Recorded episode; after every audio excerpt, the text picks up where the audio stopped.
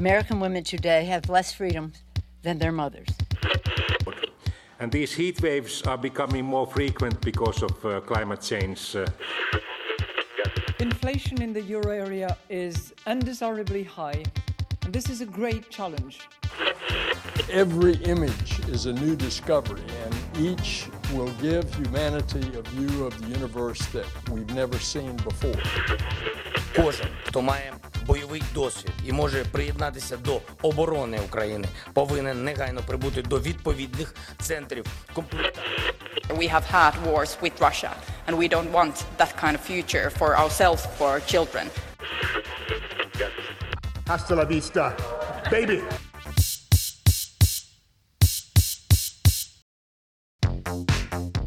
Þú ert að hlusta á heimskviður. Þáttunum allt það sem gerist ekki á Íslandi. Ég heiti Birta Björnstóttir. Og ég heiti Bjarni Pétur Jónsson. Við verðum í andófskýrnum í þættinum í dag. Í setni hlutanum heyrum við af hvít rúsneska stjórnarnanstæðingnum Anatoli Liabetska sem var handtekinn í mótmælum gegn stjórn Aleksandrs Lukashenko og lýsir hræðilegri fangelsisvist. Já, heimskuður rættu við hann nýlega og hann var einn af 1300 manns sem sátu í fangelsi fyrir að vera ósamála stjórnaráttum Lukashenko. Grímuklætir menn hafa ráðist á hann fyrir utan heimilegans, höfuðkúpu og ribbinsbrotiðan. Eftir afplánununa í fyrra tókst hann um að flýja til Litáins og þar starfar hann með svetlunni Tíkan af skæi sem margir líta á sem rétt kjörinn fórsetta og leiðtóa stjórnarandstöðunar sem er öll er komin í útlegð. En við byrjum í Íran. Þar hafa hörð mótmæli staðið síðustu tvær vikur og mjög reiki hversu mörg hafa látið lífið. Stjórnvöld lokuðu fyrir internetið stóran hlutadagsins og því best lítið af upplýsingum þaðan en mótmælt er í borgum og bæjum um allt Íran og þar hætta konur lífi sínu á hverjum degi með því einu að krefjast breytinga. Og þú, Bjarni Petur, rættir veina þessum konum í vikunni ekki sett? Jú, ég talaði við konur sem hefur mætt á mótmælufundi í höfuborginni þegar nánast á hverjum degi síðan mótmælun hófust og hún segir að lögreglega hafi barið og handtekið tugi hvenna fyrir að taka af sér slæðurnar og, og brenna þær en þeim er skilt að hilja sig með höfuslæðum og það hefur verið skilt í landinu í fjóra áratíi.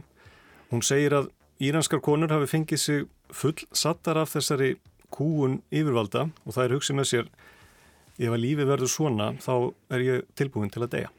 Einmitt. En það var nú meirinn að segja það fyrir því að hafa upp á henni og já, komast í samband við hann og tala við hana.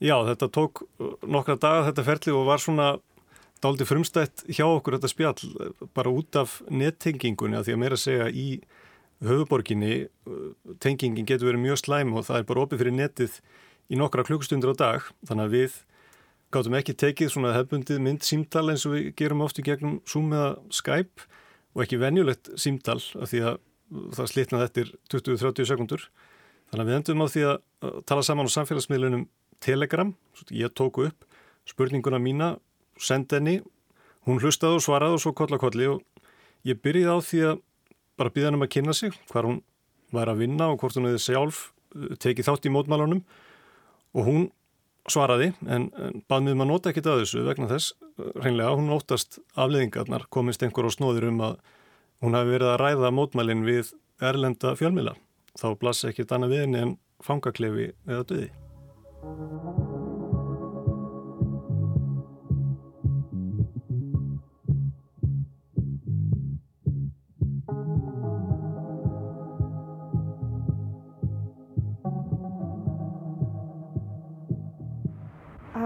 hello, uh, my name is. But um, you have to omit my name because uh, for my security. Uh, and um, I live in Tehran. I was born and raised here. And Hún verið búið í Teheran alla sína æfi en bað með um að halda nafni sínu lindu því að það kemi ljós að hún verið að tala við erlenda fjölmiðla um ástandið í Íran og mótmælin. Er hún líklega dæmt fyrir njóstnir eða árásir á einræðistjórnina? Og þetta er veruleiki margara Írana sem vilja vekja aðtekli á ástandinu í landinu.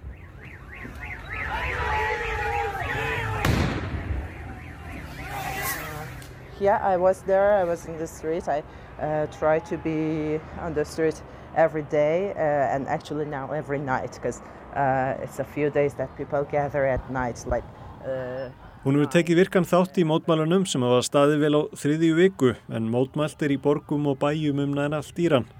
Það er fjöldi kvenna sem er ofinnulegt en konur og baráttu þeirra og þor er eitt af enginum þessara mótmæla. Það er að brent slæður sínar skorið hársitt og þar með storkað yfirvöldum og áratögagamlum lögum sem segja til um hverju þær eigi að klæðast, hverja það megi tala við og hvernig þær eigi að haga sér. Þessi lög hafa verið í gildi síðan eftir byltinguna 1979 en ákall verðum breytingar síðustu ár jafnvel meðal íhaldsamra sem vilja meina að hörð viður lög við minnstu brotum geti orðið kveikjan að ósætti og aukinni heift gagvart stjórnvöldum og ekki síður trúni. Og þetta virðist alltaf verða raunin. Kveikjan að þessari mótmæla bylgju er andlát Mössja Míní sem var 22 ára og lést í haldi lauruglu. Hún var handtekinn fyrir að byrja slæðuna sína á rángan hátt. Það sást og mikið í hárið á henni að mati siðgæðis lauruglunar sem hefur gættað slíku og öðrum ströngum sjarja eða siðgæðislögum í Íran síðustu fjóru áratíi. Amini sem oftast var kölluð Gina var á ferðalagi með fjölskyldu sinni í höfuborginni Teheran þegar hópur manna vatt sér upp að henni. Það var sjálfgeft er að liðsmenn siðgæðislauruglunar séu enginnisklættir og því engin leið að vita hvenar fylst er með þér. Konur þurfa því að vera varar um sig og almannafæri því það er eiga á hættu að vera handteknar hvar og hvenar sem er af minsta tilefni eins og dæmin sanna. Í tilfelli að Míní var hún á gangi með bróður sínum í miðborg Teheran síðdeis förstu daginn 13. september þegar hún var handtekinn. Hún var færði í lauruglubíl og talið er að hún hafi verið barins og ítla á leiðinni á lauruglustöðuna að hún hafi verið meðvitundalös þegar þanga var komið. Laurugla segir hann að hafa fengið hjarta áfall en fjölskyldan segir að það geti valla staðist því hún hafi verið við góða helsu Hún lést á sjúgrási og þetta vakti mikla reyði í Íran og mótmæli hófust sem hafa staðið sleitulöst síðan. People uh, got really angry and uh, as soon as the news scattered, uh, people started protesting. Uh, police actually was um, kind of violent with protesters from the very beginning. Uh, they uh, tried to disperse people by using tear gas, or uh, some bullets.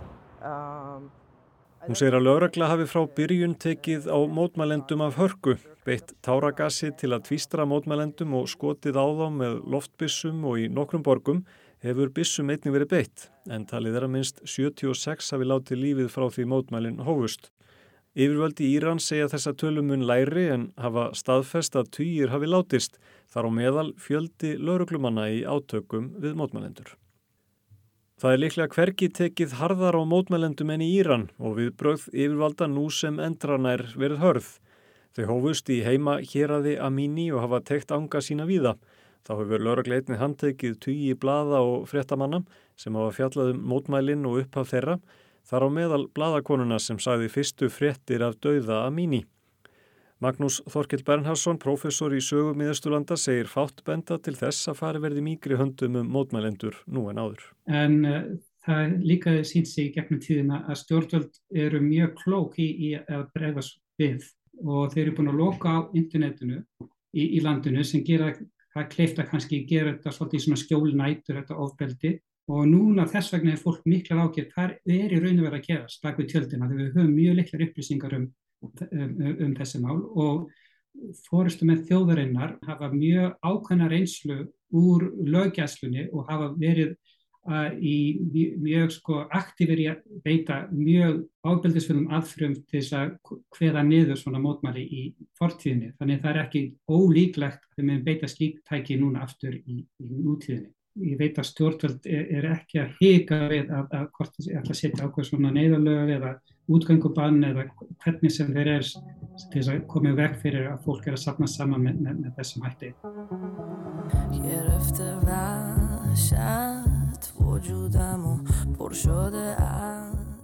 Amini var ekki aðeins kona heldur tilherði hún einni minnulhundahópi. Hún var kurdi frá borginni Sakís í Kurdistan en meðferð einræðis stjórnarinnar og kurdum hefur um ára bilsætt mikill í gaggrinni. Það er ekki nándarnar en strangar síðgæðisreglur og samfélagið mun frjálslindara en víðast hvar annar staðir í Íran. Talið er alltaf helmingur pólitískra fanga í landinu síu kurdar, þó þeir síu aðeins um 10% Írana. Þetta snýsti ekki bara um stöðu kvenna, heldur allra minnilhutahópa og um mannréttindi almennt í landinu.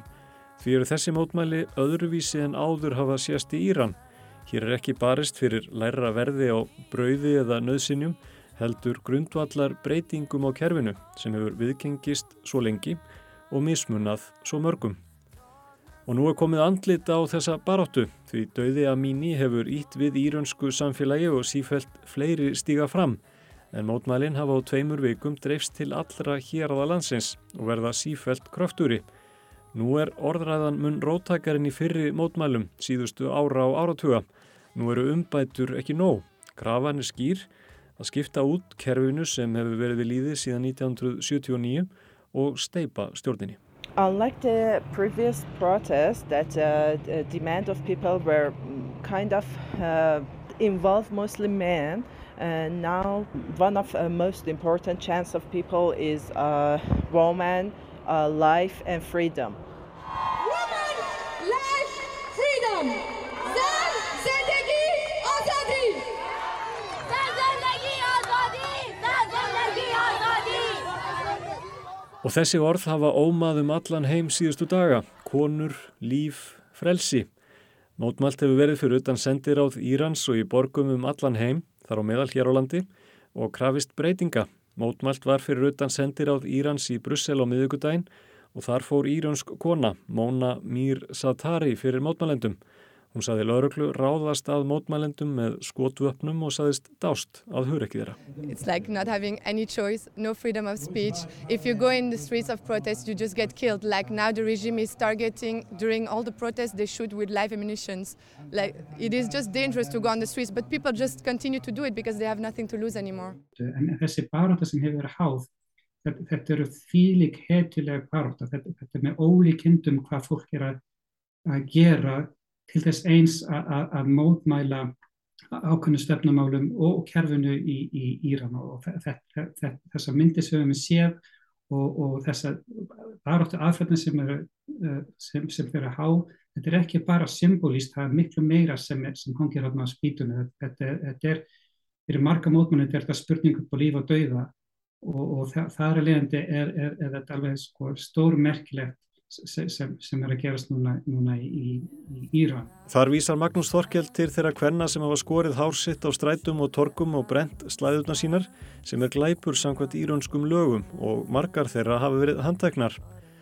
Reglurum klæðaburð kvenna voru settar í Íran 1983 en þeim er skilt að bera höfuðslæðu eða hijab til þess að hilja líkamassinn.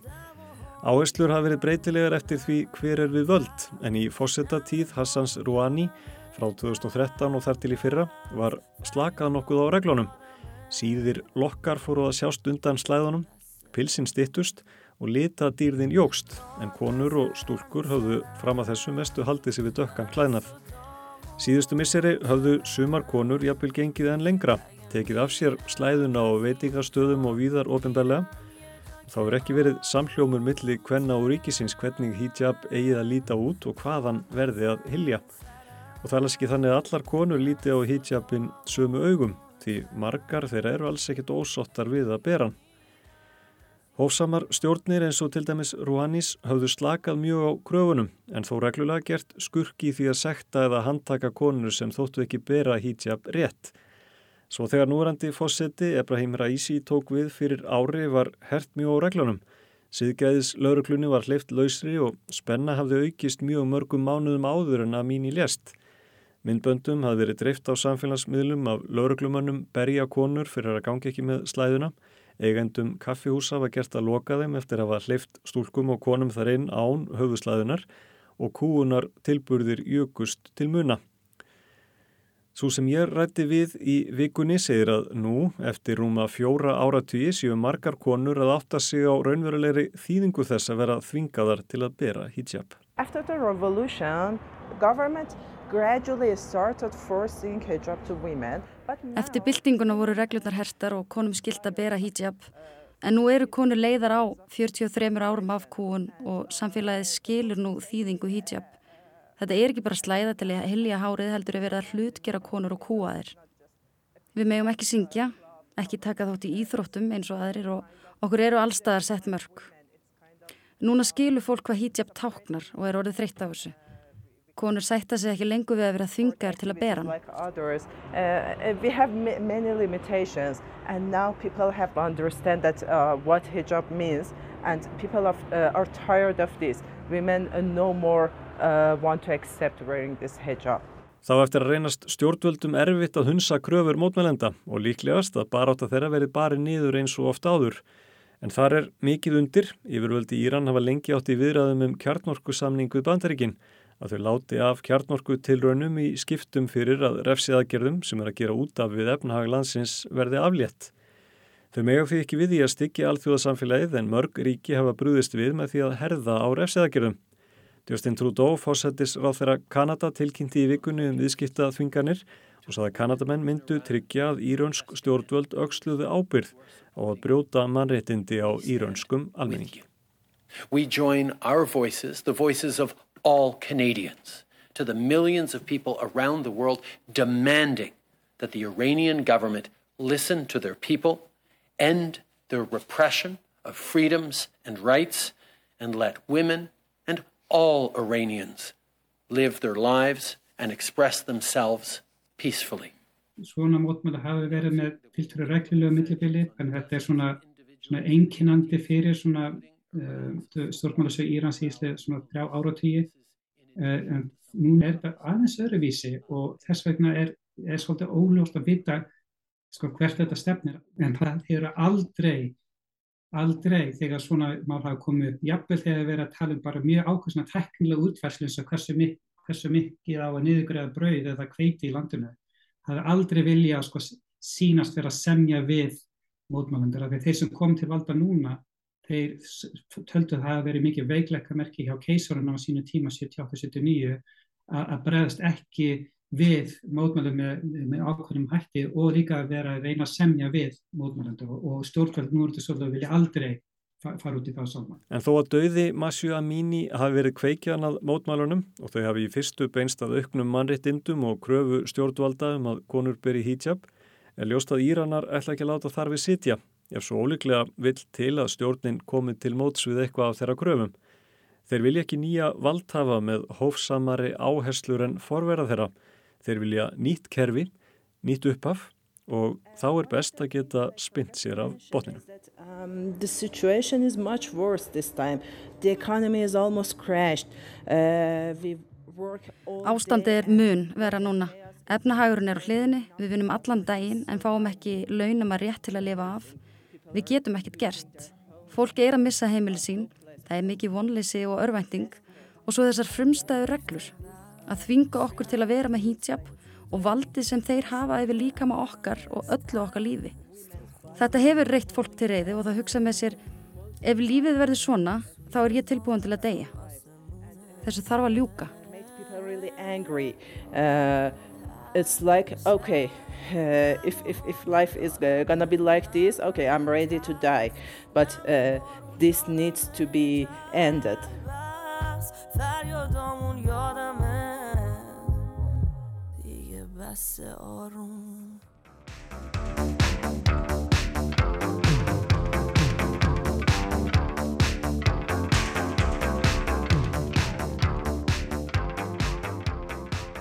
Þessu þarf að ljúka, sagði viðmælandiðin Bjarni Pétur, með einhverjum breytingum.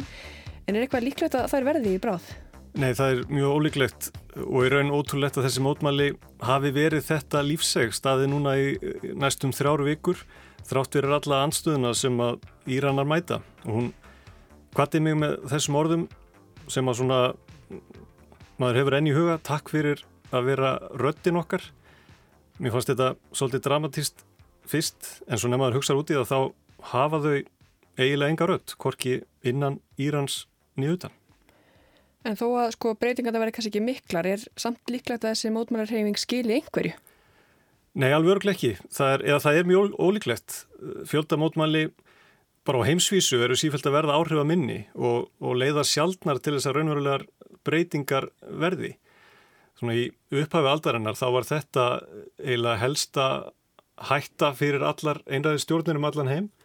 En uh, núna er þetta orðið þannig, í þessu djúpi valdarinnar þá náðu tvær af hverjum þremur fjöldamótmálarhefingum fram einhverjum umbótum. Og við höfum fylst með fjöldarhefinga, Kína í Rúslandi, Indonésiu, bílstjóramótmælinn í Bandaríkjónum og Kanada í, í sumar. Og ekkert af þessu skilaði nefnum árangri. Þannig að ráðamenn í Íran sem eru öllu vanir þegar það kemur að því að berja niður fjöldamótmæli eru enn líklega en áður til að ná að kæfa enn eina mótmálabilgjuna. Já, við sjáum til. En við ætlum að halda okkur á svipuðum nótum en núna aðeins nær okkur. Yfir 1300 pólitískir fangar eru í haldi í Kvítarúslandi. Fjöldi í viðbót eða hátt í 40.000 hefur síðustu ár setið inn í lengri eða skemri tíma fyrir skoðanir sínar. Eitt þeirra er Anatóli Ljabietska sem hefur verið í stjórnmálum síðan á sovjettímanum. Hann líkir fangelsum í Kvítarúslandi samtímans við fangelsi Stalins. Ljabietska kom hinga til lands á dögunum og þá náðu heimskuður tali af hann. Hann er nú í útleði Litáen þar sem hann á samt stjórnar andstöðu Kvítarúslands skipulegur evróska framtíð Kvítarúslands. Dagni Hulda Erlendsdóttir tekur nú við. Fréttamiðlar um allan heim beindu kastljósi sínu að Kvítarúslandi síðsumar svo fram eftir vetri 2020 eftir umdeildar kostningar þar sem Alessandir Lukashenka sem hefur setið í ennbætti fórsetta síðan 1994 lísti yfir Sigri. Við hefum alltaf bættið president. Þetta ég tók svo snart. Viðtæk mótmælu brutust út og lögregla handtók fjölda manns. Virtustu mannittindasamtökin þar í landi, við Jasna og einn fára sem enn eru til, segja að enn sitji 1334 pólitískir fangar inni.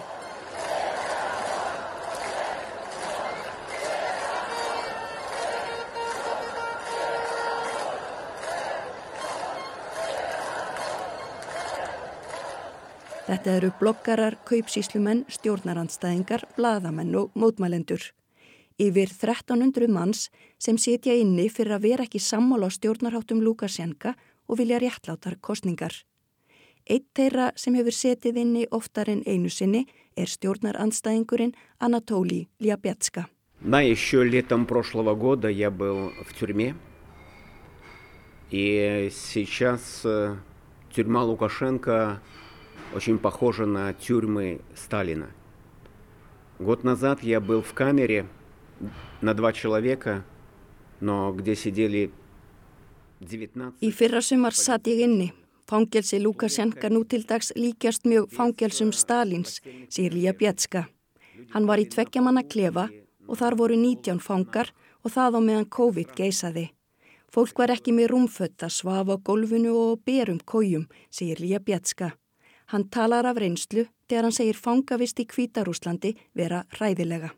Við í heimskviðum fengum tækifæri til að ræða við Lía Bjatska þegar hann sótti alþjóðlegan leiðtúafund Norðurlandaráðs og Eistrasalts Thingsins í Reykjavík á dögunum. Þar voru samankomnir fulltrúar stjórnar andstöðunar í Kvítarúslandi, fulltrúar frá Úkrænu og stjórnar andstæðingar frá Rúslandi. Þar var kastljósinu beintað innrásinni í Úkrænu og stöðu mannrettinda í Rúslandi og Kvítarúslandi.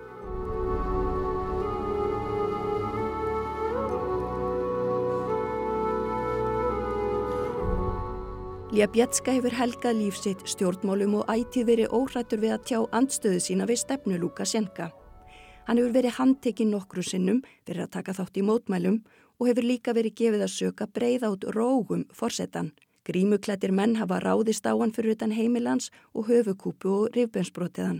Þá hefur Ljabjetska oft kallað yfir sér reyði Lukasjenka fyrir að verið ábyrjandi og miklum samskiptum við valdafólki í útlöndum. Forsetin er ekki hrifin af slíku og segir þá Erlendu vera að skipta sér af innaríkismálum Kvítarúslands. Eftir afplánununa í fyrra tók Slíja Bjatska að flýja til Litáens og þar starfar hann með svetlunu Tíkanovskæju sem margir líta á sem réttkjörinn fórsetta og leiðtoga stjórnarandstöðunar sem nær öllir komin í útlegð.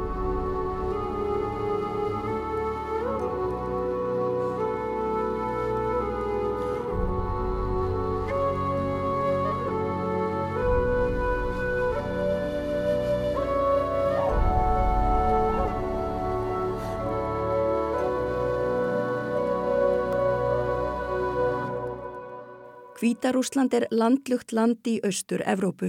Þar búa rúmar nýju miljónir og landið og landamærað Lettlandi, Litáen, Pólandi, Úkrænu og Rúslandi. Hvítarúsland varð hluti af Sovjetríkunum árið 1922. Þjóðverjar náðu völdunum um tíma í síðari heimstyrjöld en Stalin náði þeim aftur árið 1944 og Kvítarúsland tilherði Sovjetríkjunum allt þar til þau liðuðust í sundur. Þegar þing landsins greiti atkvæðum að kljúfa sig frá Sovjetríkjunum var einn því mótfallin, Alexander Lukashenka, sem stuttu síðar átti eftir að verða fórseti. Helstu útflutningsvörur Kvítarúslands eru unnar, óljuafurðir, áburður og landbúnaðarvélar. Atvinnurekstur er að stórum hluta í eigu ríkisins. Viðmælandi okkar hefur tekið þátt í stjórnmálum síðan í byrjun tíunda áratugar síðustu aldar og er formaður saminaða borgaraflokksins og satt í aðstaráði landsins frá 1990 til 1995. Þrjátt fyrir að Lía Bjatska hafi lifað tíman að tvenna og verið lengi í stjórnmálum hefur ekki svo mikið breyst í Kvítarúslandi eftir hrun Sovjetríkjana.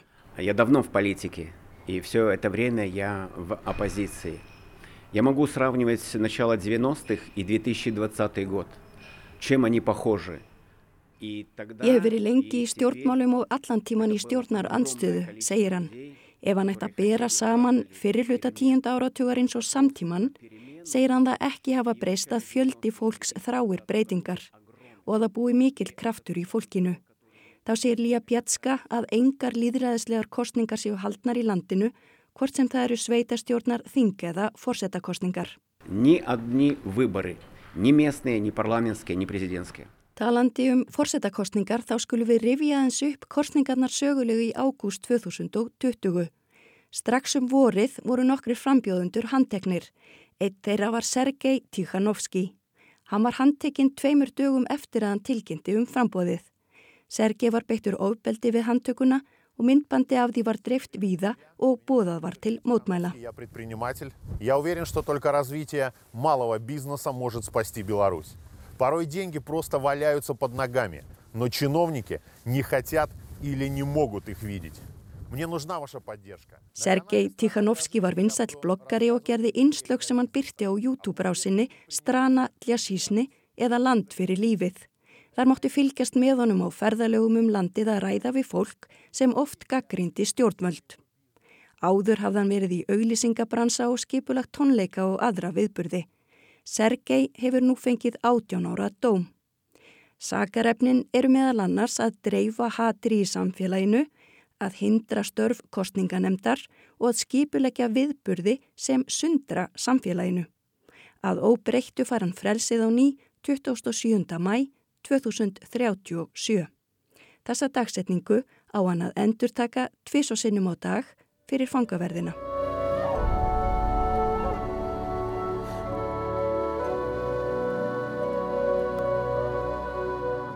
Svo fórað eiginkonans Svetlana Tikhanovskaja bauð sig fram. Margir telja hana hafa fengið flest atkvæði í kostningunum en stjórnvöld halda því fram að hann hafi aðeins fengið um 10%.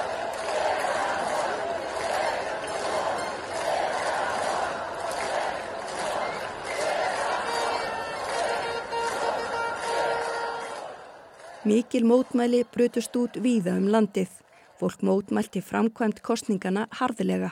Öryggislaureglan handtók þúsundir og eins og áður kom fram eru 1334 pólitískir fangar í haldi margir síðan á mótmælunum.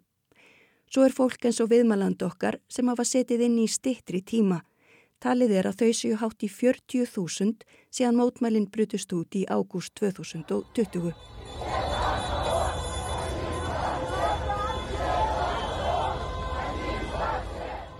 Stuttu eftir kostningarnar flúði Tikhanovskaja land á samt börnum þeirra tveimur. Hún býr í Litáen og þaðan leiðir hún stjórnarandstöðu landsins í útlegð. Mótmælin heldu áfram fram eftir vetri eftir fórsetakostningarnar umdeldu. Þau vöktu aðtikli víða um heim enda oft og tíðum frumleg. Suma daga mættu kvítklættar konur með blómbendi, þá var söngur ábyrrandi og eitt lagana sem varðað einkennislögu mótmælana er þetta með hljómsveitinni NRM sem hefur verið gaggrínin á stjórnvöld. Калі раптам адчуеш камунальныя пахі і жыццё цябе возьму пятлю. Lægið heitir Þrjá skjaldbökur og fjallar meðal annars um það hvað kerfið geti verið hægt að breytast. Калі выйдзеш у горад і залезеш у горы і з людьми усталюеш контакт. En aftur að Tíkhanovskæju. Hún hefur líst Kvítarúslandi samtímans sem gúlagi. Hún tekur í sama streng og viðmælandi okkar og segir ótrúlegan kraft í fólki þrátt fyrir stöðuna. Hún hefur aðeins einu sinni geta rætt við eigimann sinni í síma síðan hann var handtekinn. Frá Kvítarúslandi hafa borist ótal frásagnir af grófu ofbeldi sem lögregla og fangaverðir beita fólk sem situr inni. Just, uh, throw, uh, car, on the, on the street, on the, uh, put, they, Ofbeldi hefur tekið á sig margar myndi samkvæmt frásögnunum. Það er líkamlegt, kynferðislegt og andlegt. Skömmu eftir að mótmælin hófust voru byrtar myndir af föngum sem voru marðir víða um líkamann eftir barsmíðar lauruglu. Aðrir voru blóðugir og beinbrotnir. Fólk reyndi frá því hvernig það var barið á götum úti í lauruglubílum og í fangelsum. Þá hafa stjórnvöld beitt konur í stjórnmálum sérstökum kúnar aðferðum og hóta þeim að ef þeir hætti ekki stjórnmálaþáttöku þá veri börnin þeirra tekinn af þeim. Tíkhanovskaja er á lista yfir hriðiverkamenn og fyrr á árinu ákveðu stjórnvöld að taka upp dauðarefsingu og ný og henni er einmitt ætlað að beita gegn þeim sem þau skilgreina sem hriðiverkamenn. Aftökurnar eru þannig að fólk er skotið í höfuðið með bissu. Aðstandendum er ekki tilkynnt um aftökudag nýja hvar fólk er grafið, samkvæmt mannittinda samtökunum Amnesty International. Kvítarúsland er þar með eina Evrópuríkið sem beitir dauðarefsingu. Saminuðu þjóðurnar lístu í síðustu viku yfir þungum áhyggjum að því að stöðu mannrettinda í landinu fari sífælt nignandi. Frjálsfélagsamtök hafa verið leist upp og þrýstingur stjórnvalda á fjölmiðla og stjórnar anstöðu vex sífælt. Drátt verið að staðans í slæm þá leifir Lía Bjatska sér að vera bjart sín. Ég er uh, fraktsið politískih optimistov. Uh, ég veru í Belarus, í evropeiska budusje, í belarusski dom он в европейском квартале. Hann hveðst í grunninn vera jákvæður stjórnmálamaður. Hann trúir á Kvítarúsland og framtíð landsins sem eitt af ríkum Evrópu. Hann greinir stjórnafarið þannig að ríkistjórnin standi á þremur stöplum. Sá fyrsti er ótti. И Лукашенко не придумал ничего нового. Он просто это взял из советского прошлого. У нас не поменяли даже название КГБ. Не потому, что не хватало фантазии, а потому, что Для людей это символ страха. Lía Bjatska segir að Lukasjenka hafi ekki neitt nýtt fram að færa, heldur komi allar hans áherslur úr sovjaskri fortíð. Hann bendir á að nafni leini þjónustunar hafi ekki verið breytt eftir hrun Sovjetríkjana. Það sé enn KGB. Ástæðan sé svo að í hugum fólks veki það upp óta að heyra þetta, KGB. Lukasjenka er oft kallaður síðasti einræðisherra Evrópu og hann er náinn bandamaður Vladimís Pútins forsetta Rúslands. Pútín stuttan diggilega í mótmælum 2020 og þegar mörg ríki hófu að beita Kvítarúslandi refsiaðgerðum veitti Pútín þeim lán. Lukasjenka hefur launað Pútín með skilriðislausum stuðningi við innrásina í Úkrænu. Þá hefur hann viðurkjent innlimun Rúslands á Krímskaga í Úkrænu og hleyft rúsneskum hermönum inn í landið þaðan sem þeir hafa sótt inn í Úkrænu. Pútín er einmitt annar stöpull ríkistjórnar Kvítarúslands að mati viðmælenda okkar. Ef ekki væri fyrir Pútín, þá væri engin Lukashenka, segir hann. Þriðji stöpullin byggir á því hversu fjárhagslega háður almenningur er ríkinu. Um 80% lifa á einhvers konar opimberum greiðslum, atvinnuleysisbótum, örorkubótum eða öðru. Ef þú tekur burt einn af þessum stöplum þá hrinu ríkistjórnin, segir hann. Ljabjatska, Tikhanovskaja og félaga þeirra á skrifstofu stjórnarandstæðingana í Litáen búa sig undir bjartari framtíð þegar valdatíð Lukashenka líkur, þó óljóst sé hvenar það verður. Við gotovim konstitúciju Nóvi Belarúsi. Важно поменять не только фамилии людей, которые при власти, но надо поменять систему. Вот это очень важно. Мы готовим проекты законов, мы готовим программы, мы работаем... Hann segir okkur frá því að þau sé að vinna nýri stjórnarskrá.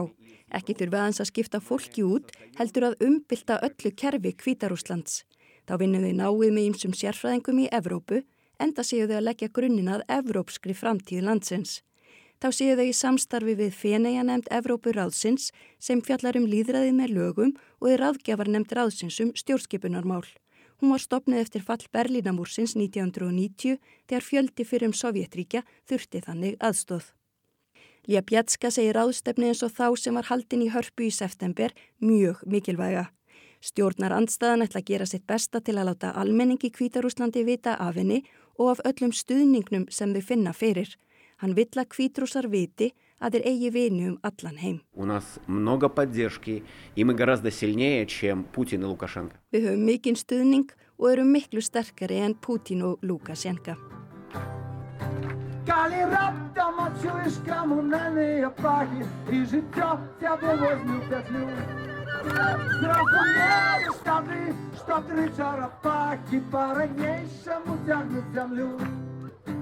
Калі раптам адчуеш камунальныя пахі і жыццё цябе возьму пятлю. Зразумееш тады, што тры чарапахі па-ранейшаму цягнуць зямлю. Калі выйдзеш у горад, ці залезеш у